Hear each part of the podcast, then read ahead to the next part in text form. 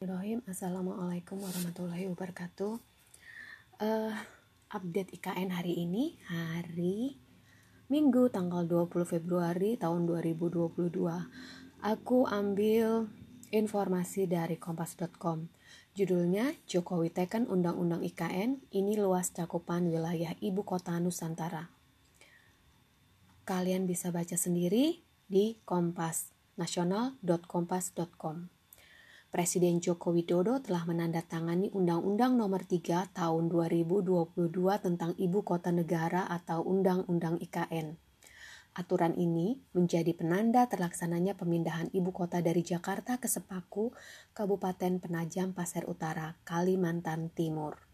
Berdasarkan pasal 1 ayat 2 Undang-Undang IKN, ibu kota negara bernama Nusantara. Berdasarkan pasal 6 Undang-Undang IKN, wilayah daratan Nusantara memiliki luas sekitar 256.142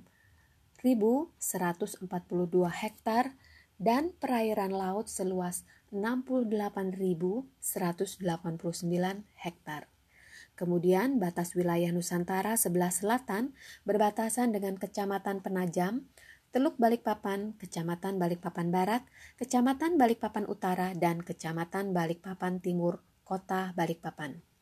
Sebelah barat berbatasan dengan Kecamatan Loakulu, Kabupaten Kutai Kartanegara, dan Kecamatan Sepaku, Kabupaten Penajam Pasir Utara.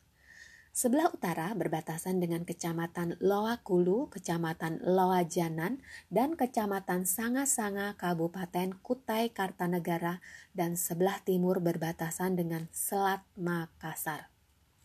Adapun posisi geografis Nusantara terletak di bagian utara pada 117 derajat 0 lintang 31.292 bujur timur dan 0 derajat 38 44 912 lintang selatan. Uh, maaf kalau aku salah bacanya ya. Sementara di bagian selatan pada 117 derajat 11 aku nggak terlalu tahu bacanya gimana ini. Udah kita lewatin aja. Jadi posisi geografisnya begitu. Kalian bisa baca detailnya langsung di kompas.com. Aku rasa sekian dulu ya. Hari ini aku juga agak gak enak badan. Maklum di balik papan itu uh, apa situasinya memang sedang tidak kondusif. Uh, setiap hari ada pertambahan kasus COVID-19 di Balikpapan.